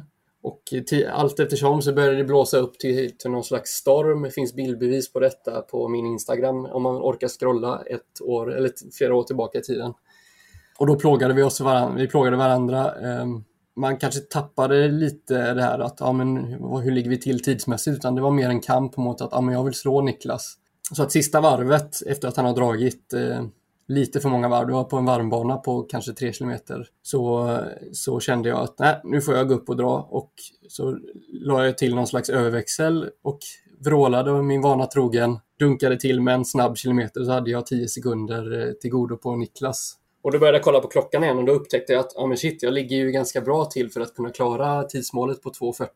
Så att där var det ju en två kilometer kvar och jag egentligen var jag slut som artist redan efter en mil men lyckades hålla uppe det på något sätt där var ju eh, motivationen att slå Niklas. Men de sista två kilometerna såklart var det att eh, nå mitt tidsmål. Och där så vrålade jag mig igenom i mål och föll, föll ihop i, en, eh, i ett glatt lyckorus kan man säga på 2.39.46 och hade lyckats ta mig under den magiska gränsen. Och då mådde jag ju riktigt illa. Jag är inte någon som brukar spy utan jag är mer att jag ligger och flåsar i all evighet som att kroppen egentligen eh, borde säcka ihop och dö, men att man bara andas igenom det. Så det var väl eh, det hårdaste loppet egentligen. Men när du känner de här äh, dåliga känslorna då, att du kommer aldrig klara ja. det här och du antar att det smärtade både här och där. Äh, hur jobbar du då mentalt för att ta dig igenom det? Eller var motivationen att slå Niklas så pass hög att det räckte? Eller har du något annat, andra tips och tricks? Jag tror också att jag är, trots att jag ibland tänker tankarna, men jag och pallar inte det här, jag pallar inte det här, så har jag också en stark förmåga att vara i nuet. Det är väl någonting som jag tar med mig från min karriär som sångare och att vara en scenpersonlighet. Kliver man ur nuet på scenen så märks det direkt och det. man tappar kontakten och glöden med publiken och med musiken. Så att den, den förmågan att, att kunna vara i nuet tror jag är extremt viktig för att kunna ta ut sig på det sättet som jag brukar göra att man tar det steg. Många säger, ja men ta nästa steg bara, ta nästa steg när man springer. Och egentligen bara att vara i nuet och omfamna den smärtan istället för att låta smärtan övervinna ens eh, psyke. Det tror jag är nyckeln också. Visst, det är ett utdraget nu när man springer maraton. Men då gäller det verkligen att inte tänka på att det är en timme kvar, jag ska vara i det här tillståndet, utan att man bara är och hamnar i någon slags eh, löpartrans då. Jag tänker också att det är otroligt viktigt att förbereda sig inför varje lopp. Och är det ett lopp som man verkligen, verkligen vill prestera på så måste man också förbereda sig som om det vore en OS-final oavsett vad det är för typ av lopp. I en OS-final så behöver man kanske inte den här äh, yttre eller inre motivationen på samma sätt för där har man så mycket annat gratis. Man vet att man springer, man vet att folk kollar på, skriker och hejar på och man vet att man har ett helt folk i ryggen som önskar att man ska göra det så bra som möjligt. Äh, men jag tror att man, det blir ännu viktigare om man är på min nivå där man är en, äh, en glad motionär som vill förbättra sina tider. Eh, för att kunna uppnå sitt max och ta ut sin fulla potential så är det extremt viktigt att man under de kanske två, tre dagar innan börjar förbereda sig, går in i att ja, men det här kommer göra ont, men det är också värt det om man nu vill ha ut den tiden som man vill. Eh, så det är det viktigaste, att, att vara förberedd på smärtan, att intala sig själv att det är någonting extremt viktigt man gör. För att gör man inte det, det har jag gjort någon gång, sprungit lopp utan att känna att ja, men det här var inte viktigt. Jag kan nämna ett exempel nu senast förra året eh, sprang jag 5000 typ fyra dagar före eh, SM i halvmaraton. Och där så klev jag av efter 3000 helt oförklarligt. Och det tror jag beror på att jag tog det med en klackspark, att jag inte hade förberett mig och att jag såg att det var ett annat lopp i närtid som var mycket viktigare för mig. Så två, två nycklar för mig är att, eh, om man sammanfattar det då, det är att vara förberedd, att verkligen, verkligen fokusera på loppet i ett par dagar innan eh, och in, intala sig själv att det kommer göra ont men det är värt det. Och sen under loppet att jobba på att vara i nuet. Och det är någonting som man kan träna på även under träningar då. Eh, för jag brukar ofta köra åtminstone en snabbdistans eller hårdare pass lite längre i veckan där jag går in för det som att det skulle typ vara ett lopp. Ja men det var jättebra tips eh, maratonfarsan. Kristoffer Hiding, eh, vi får önska dig lycka till och att du kommer tillbaks till löpningen snart så du inte fastnar i någon simningsträsk. Jag har hört att du har beställt en våtdräkt här nu. Precis, ja, det är det enda alternativträning som kommer funka ett tag tror jag. Så. Men eh, jag hoppas verkligen att jag kommer tillbaka till löpningen så fort som möjligt. Och eh, jättekul att vara med här återigen. Ja, stort tack Kristoffer. Tack själv, ha det gott. Ja men vad härlig dialekt eh, Kristoffer har och eh, vad fin han är som svarade så bra på, på våra frågor här. Jag kände att eh, han sammanfattade det ganska bra utan att han hade hört eh, Malin och eh, Simon Sundström innan. Ja men precis, vi är inne på lite samma saker där men till att börja med, han pratade lite om att han kanske inte alls hanterar smärta så bra utan bara är lite teatralisk möjligen. Eh, jag har sett tillräckligt vid ett flertal tillfällen för att helt kunna dementera detta. Som jag sa här i inledningen, så för mig är Hiding Yoda när det kommer till att hantera och tåla smärta. Ehm, och det var intressant att höra den här, tycker jag, parallellen till artistkarriären, just det här att eh, vikten av att vara i nuet och inte fokusera på någonting annat än det, just liksom eh, vad som kan hända om man inte är där mm. på plats där man ska vara. Ehm, så, så det, det hör vi ju igen, det är ju det vi helt enkelt måste, måste lära oss att vara. Mm. Och sen ska vi ju såklart omfamna smärtan istället för att låta smärtan övervinna en psyke. Nu när vi har hört de här tre intervjuerna Erik och eh, fått lite tips, eh, du har ju säkert en massa egna tankar, du tänker väl säkert väldigt mycket när du är ute och springer nu för tiden. Eh, vi har båda lyssnat på den här boken och vi har ju haft tidigare avsnitt om mental träning ja, kanske lite riktad mot mer visualisering och, och målsättning och sånt där. Men eh, det här då att eh, kunna motstå frestelsen att gå av och möta smärtan och tycka det är skönt att acceptera det. Har du, har du liksom eh, tagit med dig något från det här avsnittet och har du några tips hur man kan jobba med det här eh, framöver? Hur ska vi göra för att eh, orka springa båda under 2.20 i, i Valencia?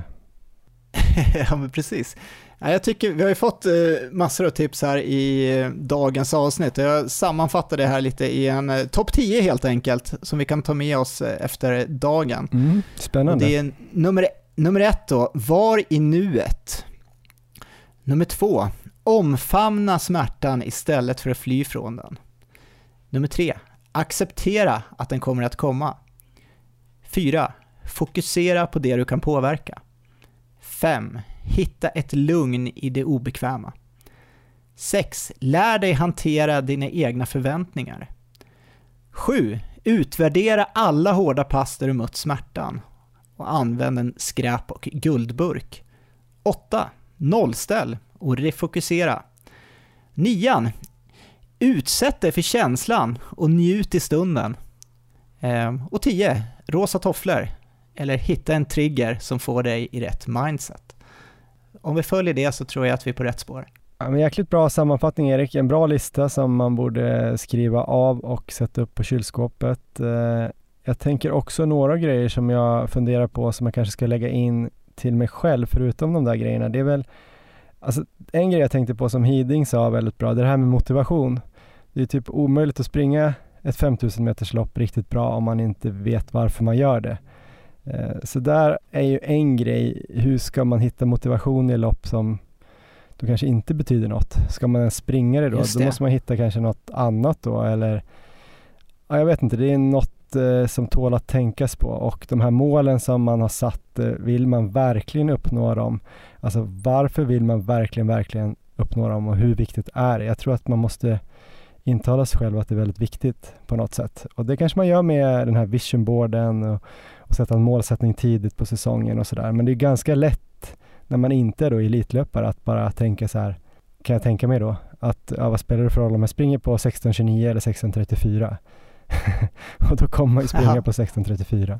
Eh, ja, så, så det är en grej som jag tror att man måste, så att de målsättningar man sätter upp ska verkligen vara, vara viktiga för en. Och sen eh, tänkte jag att man kan ta in det här i träningen, alltså att man kanske kan testa lite andra typer av pass eh, där som inte kanske är så strukturerade. Och det här kanske är lättare sagt än, än gjort och sådär. Men jag fick ett tips eh, av eh, en kille i Fredrikshof.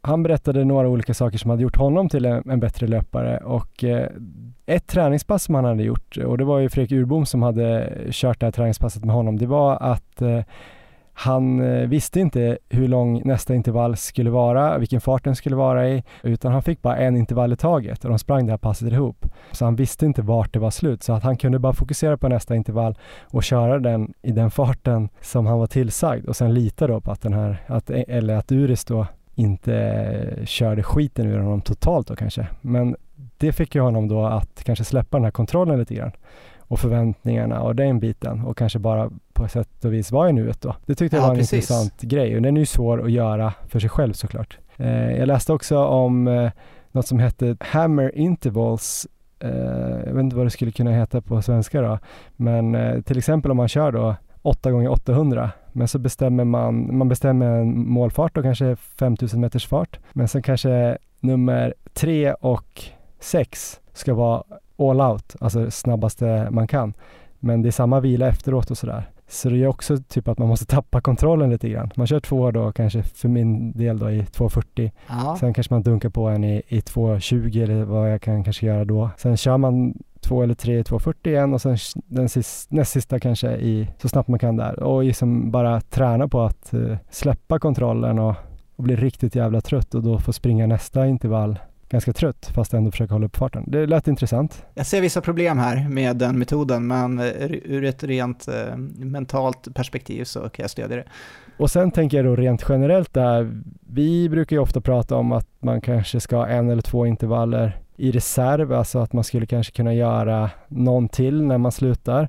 Och då pratar vi ofta ur, ur ett så kontinuitetsperspektiv att man kanske inte får köra för hårt för ofta för att man kanske blir eh, utsliten och eh, i värsta fall skadad och så, övertränad. Ännu mer kontroll har ju de som kör kanske dubbeltröskel, att eh, de verkligen inte går över en viss intensitet och mäter kanske laktat och så.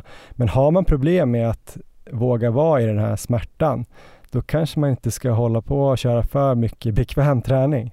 Eller det är en tanke jag har för mig själv, att jag kanske måste köra lite mer pass som gör ont för att vara i det här oftare eftersom jag inte är en elitlöpare som har tio år med tävlingar i mig. Just det här som du var inne på i början med de här simmarna i Skottland, att Ja, men precis. elitsimmarna hade mycket bättre smärttålighet. Antagligen då för att de har tränat på det hela sina liv och du och jag har ju Ja. spelat fotboll och där blir det ju inte på samma sätt den här tydliga smärtan då kanske som på ett 5000 eller 10 000 meters lopp att det inte händer så mycket utan man ska behålla samma fart och möta smärtan utan där är det ju liksom ett inkast, man får vila lite, det är en boll, det är massa andra saker som händer. Det blir inte riktigt bara hjärnan och du så att säga utan mycket annat som händer. Så vi har kanske inte tränat på det så mycket men så antingen då tävla mer eller då köra lite hårdare träningar där man får jobba med det här. Så att det är kanske ett ah. tröskelupplägg då kanske inte funkar för en då mentalt inom citationstecken vek person. Och det är någonting man har med sig när man eh, verkligen går in i väggen och går in i det här tillståndet som vi, som vi nu försöker att eh, bli bekväma med och börja uppskatta.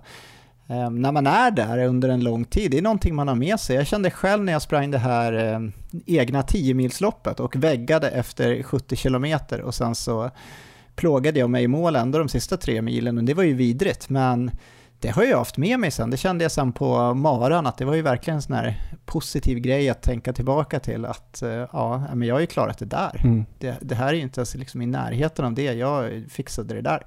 Ehm, och eh, det, det, tror jag kommer liksom generera ett positivt tänk bara. Så att, eh, jag tycker man ska verkligen ta alla chanser man kan och försöka, försöka helt enkelt njuta när man når det där stadiet. Eh, om man har det, har det jävligt på ett pass, då, då bara känna liksom tacksamhet att, eh, att man fixar att vara i det tillståndet. Och första gångerna kanske inte håller så länge, men nästa gång kanske det går längre. Just det, och tänka också på att det är ett frivilligt val och sådär, att man tycker det är kul med löpning och man vill kanske bli bättre då, om man nu vill bli bättre. Eh, så det ja, tänkte visst. jag mycket på att när jag väl var i Huddinge så kände jag så här, men nu är jag ju här, jag har ju åkt hit på min kväll av egen fri vilja för att jag tycker att det är roligt att springa och att jag tycker det är roligt och det här kommer betyda att jag kanske kommer springa bättre då på 10 000 längre fram och, och alla känner det här. Det är normalt liksom, det är helt mänskligt. Alla kommer tycka att det här är lite jobbigt. Man är absolut inte ensam ja. i det och sen eh, ja, köra på. Och jag tyckte jag tog med mig det in i veckan här. Jag hade ett hårt tempopass när det var liksom, du vet, 25-26 grader och sol och det var svinvarmt och det gick inte alls lika snabbt som vanligt men det var ju ändå jäkligt mycket härligare än att det var ishalka och eh, snålblåst och eh, hagel. Då tänkte jag också väldigt mycket på när jag var klar med min, eh, mina intervaller eller mitt i där att det gjorde riktigt, riktigt ont tyckte jag. Men så tänkte jag så här, hur ont gör det? Ja, inte så ont. Och sen när man stannade, alltså när intervallen var klar, så tog det liksom 25 sekunder. Sen kan man ju springa igen. Så det är ju väldigt övergående. Och när du nu springer 10 kilometer här om ett par veckor Johan, vilken, vilken nivå kommer den upp till? Vi pratade om 100 som en maxnivå här i början av avsnittet. Du sa att du låg på 80. Känner du att du är uppe på 82 efter det här avsnittet? Ja, men jag tror det har hjälpt mig lite grann. Får se om jag kan eh, leva upp till det här nu framöver, men jag ser inga, inga gränser längre. Så kan vi ju tillägga igen då att eh, vi kommer ju få en riktig mästare på just det här med att eh, tåla smärta, uppskatta att vara i nuet och bara njuta av det. Och den kommer här inom ett par veckor, den intervjun, och den är väl värd att lyssna på. Mm. Och innan dess då, lite kort Erik, vad händer för dig? Det börjar ju närma sig det här 100 km loppet SM. Ja visst, det är väl drygt tre veckor dit nu. Jag kommer försöka få in någon, någon slags specifik fart där, för det är en fart som jag liksom inte har tränat någonting i, just den tänkta farten på, eh, på 100 km. Så jag tänkte väl något pass där, kanske en mara eller upp mot 5 eh, mil som jag ska försöka bränna av i tänkt fart. Det, vad det blir får jag se. Det är ju väldigt varmt ute nu och så där så jag får anpassa lite till de faktorerna.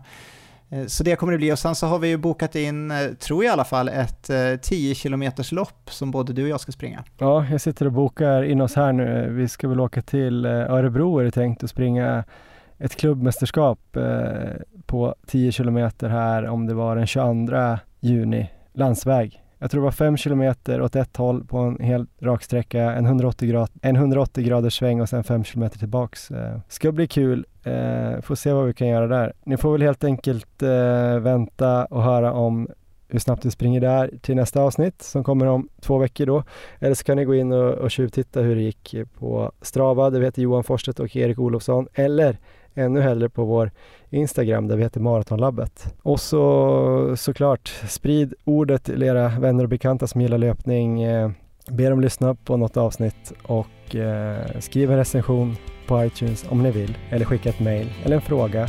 Eller kom bara fram och ge Erik en kram någon gång. Efter corona. Tack för idag. Tack så mycket.